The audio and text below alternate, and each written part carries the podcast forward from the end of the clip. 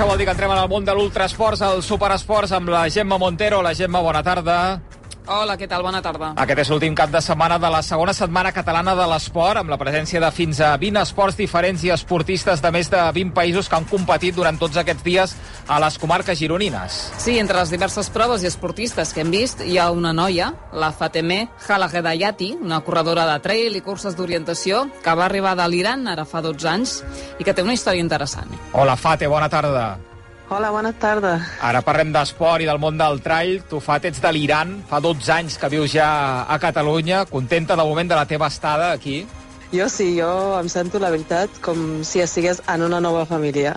Molt bé, vas venir per amor a Catalunya, eh? Com vas conèixer el David, el teu marit? Um, el meu home i jo, tots, tot, bueno, jo era esportista d'èlit, de, amb rem, uh, i el meu home era, estava allà contractat com a entrenador de, de vela i com a, amb l'equip nacional i amb la federació coincidíem. I així que ens vam conèixer així per la federació, diguem-ne.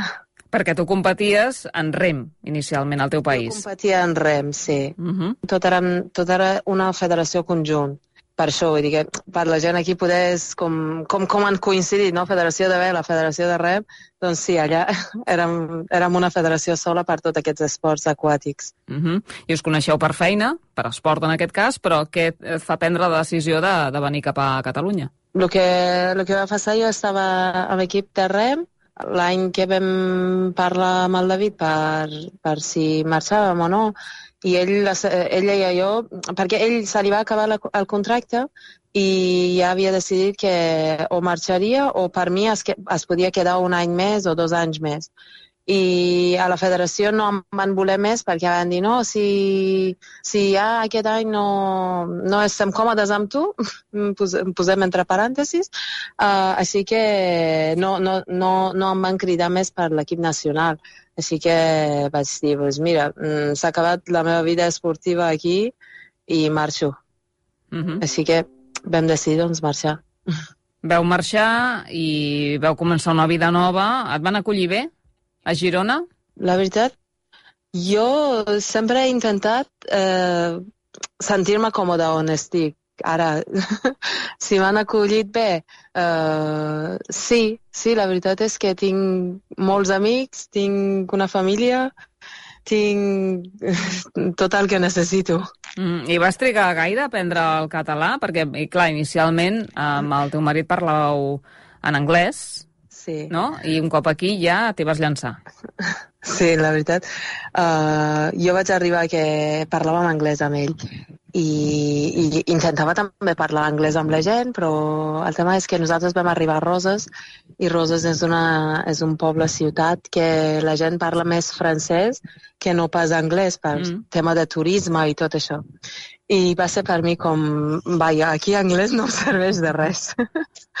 I, I em vaig apuntar als cursos de català i doncs amb, jo diria que amb 3-6 mesos, 6 mesos així, ja més o menys allò de, de poder mm, comunicar-te una miqueta amb la gent ja ho, ja ho tenia bastant a mà i, i després va ser la meva sogra també que va, em va fer, fer el canvi de xip amb el, amb el David, va dir, escolta'm, si amb nosaltres estàs parlant català i amb ell parles anglès, per què no feu el canvi parleu català entre vosaltres també?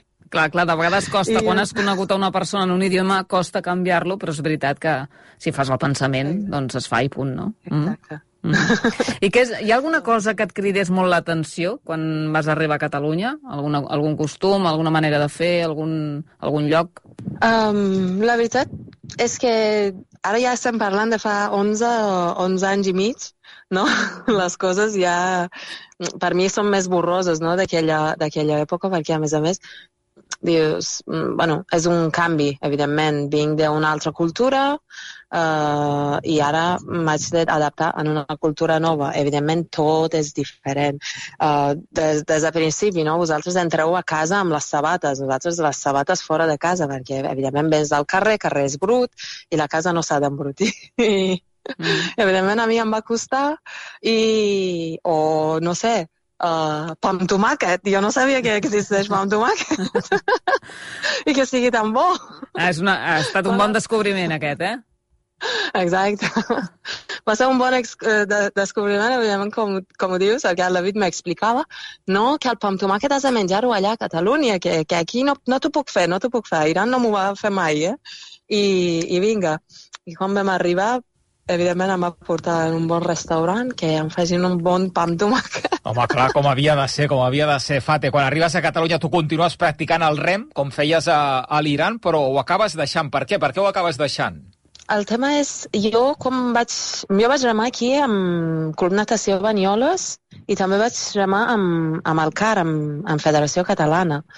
Uh, ho vaig deixar perquè durant un entreno que vaig córrer per asfalt, eh, teníem un entreno d'aeròbic, i vaig córrer per asfalt. I aquell dia em va fer molt de mal al genoll, de, de manera que ja, mm, saps allò, de, uh, no, no, no podia ni caminar aquell dia. Vaig anar al metge i em va dir, mira, uh, has, has destrossat el, els fibres de musculatura.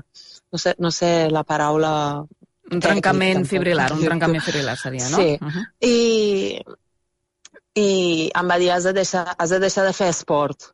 Evidentment va ser un, un moment molt, molt dur, perquè quan has fet esport tota la teva vida, uh, quan et diguin has de deixar de fer esport durant un temps, doncs costa molt, costa molt de d'assimilar-ho, no sé com dir-ho. I, evidentment, ho haver de deixar perquè a vegades no, no podia ni caminar i, i, i la salut, evidentment, és molt més important. Però, no sé, gràcies, gràcies a aquest temps que vaig, vaig estar descansant i allò, doncs ara ja he tornat, he tornat a, a córrer, he tornat a m'orientar, he pogut conèixer l'esport d'orientació, vull dir que tot això és, per mi, és un punt més. I què és el que et va fer eh, fer el salt a, a córrer per la muntanya, a provar el trail, les curses d'orientació? Va ser aquesta lesió, precisament? A rem, evidentment, fas, fas, fas molts, eh, molts diferents esports, aixeques peses, fas gimnàs, vas a córrer, remes, perquè no sempre estàs a l'aigua remant. I un dels entrenos era córrer, i, i jo corria bé, no, no gaire bé tècnicament, però corria perquè tocava, tocava córrer a vegades. I quan ja vaig deixar de remar, com que ja no tenia l'embarcació, no tenia el bot, doncs vaig decidir, mira, les muntanyes no me l'han tret, me'n vaig al bosc. I així que vaig decidir córrer una miqueta per bosc i per la muntanya, sí per allà on vius, per la província de Girona, eh, i, i tastes la muntanya, perquè a l'Iran, al teu país, eh, ho havies provat de córrer? Córrer, sí, amb lliure d'anar per ahí, no, la veritat és que no. Jo perquè feia... Jo jugava a vòlei i bàsquet i tot, tot, tots els esports eren com... Corries per dins de les, eh, del, del pavelló, no, no sortíem. I, I era més difícil perquè estem parlant de fa mm, més de 25 anys així, quan jo jugava a bàsquet i vòlei, que, eh, que no era ben vist que les noies corressin per fora, per, per la muntanya o per el carrer i allò. I evidentment no, no, no ho vaig intentar mai. Ara si tornés ho provaria, no ho sé. No ho sé uh mhm. -huh. encara si, si les coses han canviat o no després d'uns anys. Però sí que t'ha agradat tant com que, eh, bueno, per fer que ara eh, forma part de la teva rutina, no? Sí, això sí. Això ja és, mm, és un desconnexió de la vida mm, quotidiana, no? És, per, per mi és el meu moment. Clar, tu t'afegeixes als Aligots de Girona, que és un club eh, molt conegut de fa molts anys, però a més a més ets mare. Eh? Eh, eh, neix l'Elna, la teva filla, fa uns 4 anys, i com compagines tot plegat? Jo diria com, com molta gent que fa esport i també té fills i també té feina, vull dir que tots ho fem com podem, no? I jo jo intento aprofitar el temps, eh, el moment allò del migdia quan tinc una hora per dinar, a vegades agafo la bici, me'n vaig amb la bici a la feina, porto la roba, em canvio, vaig mitja hora, 40 minuts en bicicleta, allò al 100%, perquè evidentment 40 minuts, si no fas a 90-100% no estàs treballant gaire, i després torno, dino i torno a treballar, i després vaig a buscar la nena. Així ens, ens, ens ho fem. Hm, la conciliació de la vida familiar, laboral, les esportiva, dius que la feina t'ho permet també compaginar. Tu treballes, eh, Fate, de fustera. Sí. Bueno, jo no sóc... No, la fusteria no és meva. Jo treballo per, per una fusteria mm. i I el que el bo és que jo, no sé, mm, la sort que he tingut, eh, sempre he tingut gent molt bona al meu costat, que sempre m'han cuidat molt bé, i aquí també, vull dir que eh, jo havia d'anar a buscar la nena a les, a les 4 i mitja han, han dit, bueno, mira, si vols canviar mitja hora més aviat vens i mitja hora més aviat marxes i vas a buscar la nena o, o si hi ha alguna vegada que necessito, saps, allò de marxar, pues, no diuen res. És com, vale, pues, ens, ens ho parlem i arreglem les coses. També poder no tinc els meus sogres i el, els meus pares al costat, però tinc gent molt bona al meu costat que sempre m'han ajudat. Els meus amics, vull dir que tots, vull dir que els agraeixo aquí mateix a tots els que m'han ajudat sempre. Doncs eh, queda, queda, queda dit, queda, queda agraït. Arriba un moment que comences amb l'ultradistància, Fate, eh? perquè eh, precisament per millorar en les curses d'orientació comences a córrer més quilòmetres, no? I això t'enganxa? Sí. La veritat és que m'agrada molt. Eh, el tema és, jo fins fa dos anys així eh, entrenava molt menys del que ara estic fent perquè, evidentment, l'Alna era més petita i necessitava més atenció, i, però ara puc fer una miqueta més perquè ella, evidentment, és més grandeta, ja, ja li pots deixar, jo què sé, pots deixar que ella jugui i tu vas fent una mica d'exercici. Em va agradar molt el, el tema de, de, de poder estar a la muntanya, poder gaudir d'aquest silenci del bosc, de, de cant dels ocells.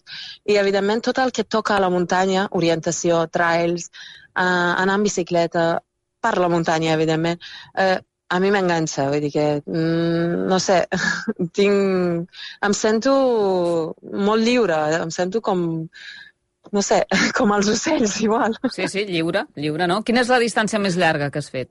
Um, amb orientació n'he fet fins a 35, eh? Uh -huh. Uh -huh. amb un Rogain de 6 hores. Eh, um, Rogain és una de les disciplines d'orientació, no sé si coneixeu, però sí. Digues, digues. És, eh, va en puntuacions. I tu abans de sortida fas estratègia de la cursa i i depèn de l'estratègia que has fet, vas fent les fites que has de trobar per la muntanya i després quan tornes ja mm, depèn, pots, pots fer més distància, pots fer més desnivell, això ja mm, és, és lliure cadascú i després puntuant, puntuant la, el que tu has marcat i, i guanya doncs, qui hagi fet amb menys temps i amb més puntuacions. Doncs vam arribar a fer uns 35 quilòmetres en un Rogain aquí a Garrotxa. Molt I bé. això és amb equip, eh? Amb equip. amb equip. Es fan en equip, eh, aquestes curses. Sí. Uh. -huh. Rogain, eh? El, les Rogain, curses eh? de Rogain es fan amb equip, sí. Uh mhm. -huh. Però orientació a peu amb lineal, evidentment aquests són uh, individuals. Uh mm. -huh. I quines són les teves curses preferides? T'agraden més les, les locals, no? Les, les, les del territori, les pròximes al lloc on vius? Uh, amb orientació m'he mogut bastant a tot Catalunya. He conegut mal, molts pobles que a vegades el meu home em deia jo aquest poble no sabia que existeix, no? I que vas i, i comences a conèixer el territori. És, la veritat és que és molt maco.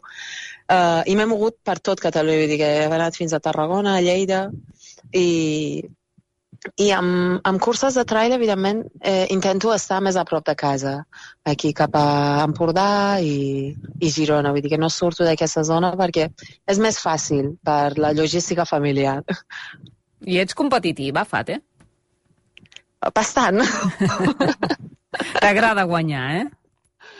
Mm, m'agrada guanyar, però ara he après a gaudir també. Abans mm, perquè, evidentment, jo quan estava a Iran, la, o ets eh, esportista d'alt rendiment i guanyes, o no ets ningú, o no... Mm, I, i no, no, no, no t'ensenyen a gaudir, t'ensenyen a ser allò... Mm, has de guanyar, has de guanyar, has de guanyar, no? I, I això jo he après aquí, de, de, de gaudir, de, de poder estar un temps per mi, eh, de, de que és igual el resultat, sigui el que sigui. Uh, jo he estat allà, jo he, he, he, he estat parlant amb la gent, he fet una vida social i vull dir tot això és, és una altra cosa. Mm, deixant de banda un, per un moment l'esport, eh, Fate, des de la distància, com estàs vivint la situació al teu país, la, les protestes de les dones per la seva situació a, a l'Iran, ara fa uns dies vam viure el cas de l'escaladora iraniana Elnas Rekabi, que va competir als campionats asiàtics sense vel, l'han rebut a l'Iran ara fa uns dies entre aplaudiments, l'han considerat com una mena d'icona no?, d'aquesta lluita i de les protestes per la situació de, de la dona al teu país. Ella finalment ha justificat que va ser un oblit, eh, que s'estava posant tota l'equipació, però que es va oblidar de, de posar-se al vel, perquè entenc, Fate, que quan competiu per, eh, per l'Iran heu de competir amb vel sí o sí, no? El tema és, eh, jo també quan competia eh, a nivell internacional, per Iran, mm, havíem de portar el mocador al cap, evidentment. Eh, portàvem una roba més llarga que tapés el, el cul i la zona, de, la cintura, diguem-ne. Eh, el pantaló no podia ser enganxat, les, han anat canviant, eh? És a dir-te que jo cada vegada veig més les coses una miqueta més, més suau perquè uh, a mi, per exemple, m'exigien uh, coses que deies, però és que no té sentit, és que jo a dins d'un bot de, de rem no puc anar amb aquesta roba llarga, se'm queda clavada sota del raïl i em cauré i abans de fer una regata hauré caigut a, a l'aigua. Vull dir que hi havia coses que també evidentment et molestava, però evidentment quan representes el, el país, perquè és, el mocador és obligat, uh, vull dir, hijab és obligat i, i la samarreta ha de ser llarga, pantaló llargs, els homes no poden anar amb pantaló curt al carrer ni samarreta màniga curta, vull dir, eh, va per tothom. Mm -hmm. I, I quan representes el país, evidentment, has de portar el mocador al cap. Ara, eh, no sé, eh, tu també si vas a, a Iran, al, al moment que arribis a, allà t'has de posar el mocador al cap. Vull dir que no, no, pens, no pensis que per ser europea no, no, no, no, ho sé, ho no sé. és. Uh -huh. és. És per tothom qui arriba. Totes les dones han de posar el mocador al cap i tots els homes el pantaló llarg i samarreta màniga, màniga llarga. Així de... Així és, vull dir que... No uh -huh. sé, i per això, per això estan lluitant, per la llibertat una miqueta de, de decidir eh, què em vull posar, si em vull tapar el cap o no, i si als homes els molesta, disculpa'm, però tanca els ulls. M'explico? No, i o, tant, qualsevol, o, o si alguna dona li molesta. Ho estàs vivint bé des d'aquí? Estàs preocupada d'alguna manera? Uh, la veritat és que no gaire bé. No estic... És, és una situació no gaire agradable uh, perquè veus Mm, evidentment, ara, ara amb les xarxes socials veus molt més que fa molt, mm, poder 10, 15 anys enrere, no teníem ni WhatsApp, ni Instagram, ni aquestes coses per poder veure Uh, per poder veure les notícies tan ràpidament. Uh, no ens arribaven la informació tan ràpid. Però ara ho vius gairebé com, com si estigués allà. Uh, no sé, no, no sé, no, no, no, no tinc una vida normal ara. No, no sé, no sé com dir-t'ho. Sí, les xarxes de vegades ens acosten no? a les coses. Sí. Eh, sembla que la proximitat eh, sigui, sigui fàcil, però clar, és preocupant, no? Evidentment és molt preocupant. Eh, és el que... No sé, és que quan veus una imatge d'un noi al carrer que està demanant pel, per la seva, pel seu dret, i, i que li, li peguen un tiro, eh, no és agradable, no? Vull dir que no són com aquí pilotes de goma, són armes de veritat. Dic, el que estan vivint a Iran ara mateix és que van a les escoles a atacar els nens, els nens de, de, de primària, els nens de secundària, que dius, són nens, què voleu? De veritat. Sí, sí, eh, realment. I veus solució, Fate? Veus que la situació de la dona a l'Iran pot eh, millorar? Uh, no ho sé. Això ja la gent està lluitant al mig del carrer a veure, a veure què poden fer. En parles amb la teva família? Molt difícil. Ahir, per exemple, vam, vam tenir una trucada, però una trucada que al final vaig haver de penjar i enviar-li un WhatsApp a la meva mare i dic, mare, envia missatges per WhatsApp i jo vaig llegint i contestar-te quan pugui, quan, vull dir, tu rebis el missatge, perquè és impossible. perquè han tallat l'internet, vull dir que, diguem-ne, han reduït tant la velocitat de xarxa que tu no pots eh, eh, trucar. No Ja, ja, pots ja. fer trucades i, Ja. i si envies una foto, la foto vés a saber quan, li, eh, quan pot baixar-ho, vull dir, no sé. Clar, jo eh, t'animaria, però realment és, és difícil, és difícil. Eh, la, la lluita per els drets de les dones és, és el que és a l'Iran i és una situació complicada. No et vull apretar molt, tampoc. Ja en vam parlar l'altre dia, tu i jo. Eh, només espero que, que tu gaudeixis la teva vida aquí a Catalunya com ho has estat fent fins ara, que la teva filla, l'Elna, ho tindrà millor que... No sé si millor que tu, però millor que moltes nenes que hi ha a l'Iran ara mateix. Eh? Això segur. Sí. Tot i que veig que... Crec que tu et van educar amb força llibertat. Ara, si estiguessis a l'Iran, potser seria una altra història, però que tu de petita o d'adolescent, no?, vas rebre una educació amb força Sí. llibertat, que et van dir que, que, havia, no, que t'obligaven a estudiar, no? A Um, casa la veritat és que. Gemma, en certes, en certes bastant, perquè jo tinc una família que són bastant lliure. Vull dir que no, no, la meva mare és una dona que porta el mocador al cap i, i no pas perquè li, li obliguen, sinó que ella vol. I dius, bueno, mira, és la seva decisió, però a mi mai m'ha obligat. No? I allò de... Mm, o a mi mai m'ha dit, no, has de fer això perquè sí, o has de fer l'altre perquè sí. O als meus, al meu pare igual, vull dir que va ser com molt més lliure no? amb el tema d'esport, amb el tema d'estudis, tot va ser bastant... Vull dir, a mi no em van obligar a estudiar, no? no a mi m'agradava estudiar i a més a més, vull dir a Iran la gent, la gent li agrada molt estudiar, eh? t'haig de dir, eh? I, i, i si no tens una carrera és que no ets res, eh? Mm -hmm. I, evidentment, amb tot m'han deixat bastant lliure per decidir el que vull i també per quan volia venir la meva mare, evidentment, li va agafar. Uh, no, no es va sentir bé perquè, evidentment, tenia, soc l'única filla, tinc dos germans, però jo era la filla. I, i li, cost, li va costar molt d'acceptar la meva decisió que jo me'n vaig. De moment port- portem ara quatre anys sense veure la meva mare. Ha vist de la Elna en tres mesos, no l'ha vist més. Déu nhi doncs, esperem eh, poder solucionar aquesta, aquesta situació que us pugueu tornar a veure ben aviat. Fate, gràcies per apropar-nos, eh, encara que sigui des de la distància el que s'està vivint a l'Iran. Acabarem com hem començat i parlant d'esport. Quina és la propera cursa que hi ha en el teu calendari?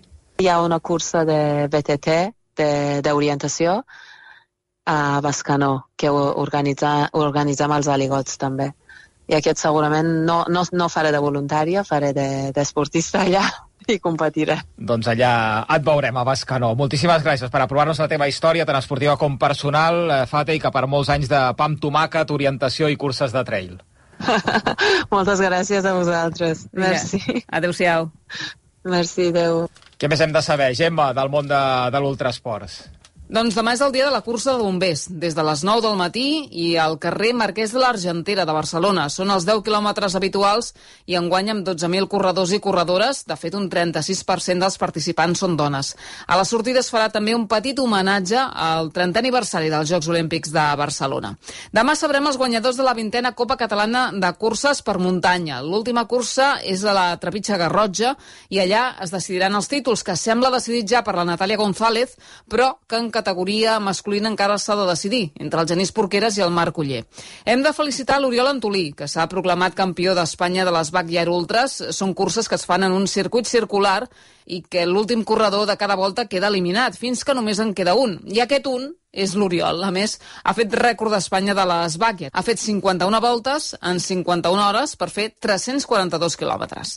I avui s'ha celebrat la Transvolcània, una de les curses més estimades del trail i més esperades perquè es fa a l'illa de la Palma i que ha tornat després de 3 anys per culpa de la pandèmia i també després de l'erupció, recordareu, del volcà de Cumbre Vieja.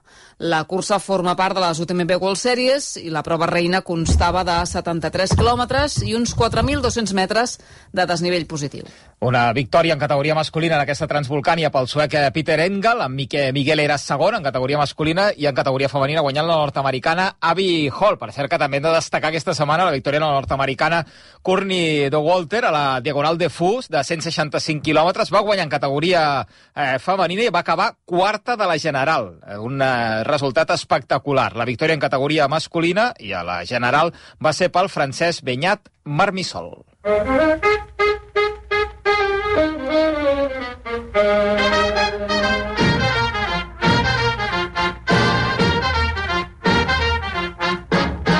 Quan sona Glenn Miller vol dir que estem arribant al final de l'Ultrasports. Abans d'arribar a la meta, com sempre, escoltant el Miquel Pucurull, que avui ens parla de com ha canviat la cursa de l'amistat. Amics i amigues, cada any per Tots Sants se celebrava a Barcelona una prova icònica, la cursa de l'amistat.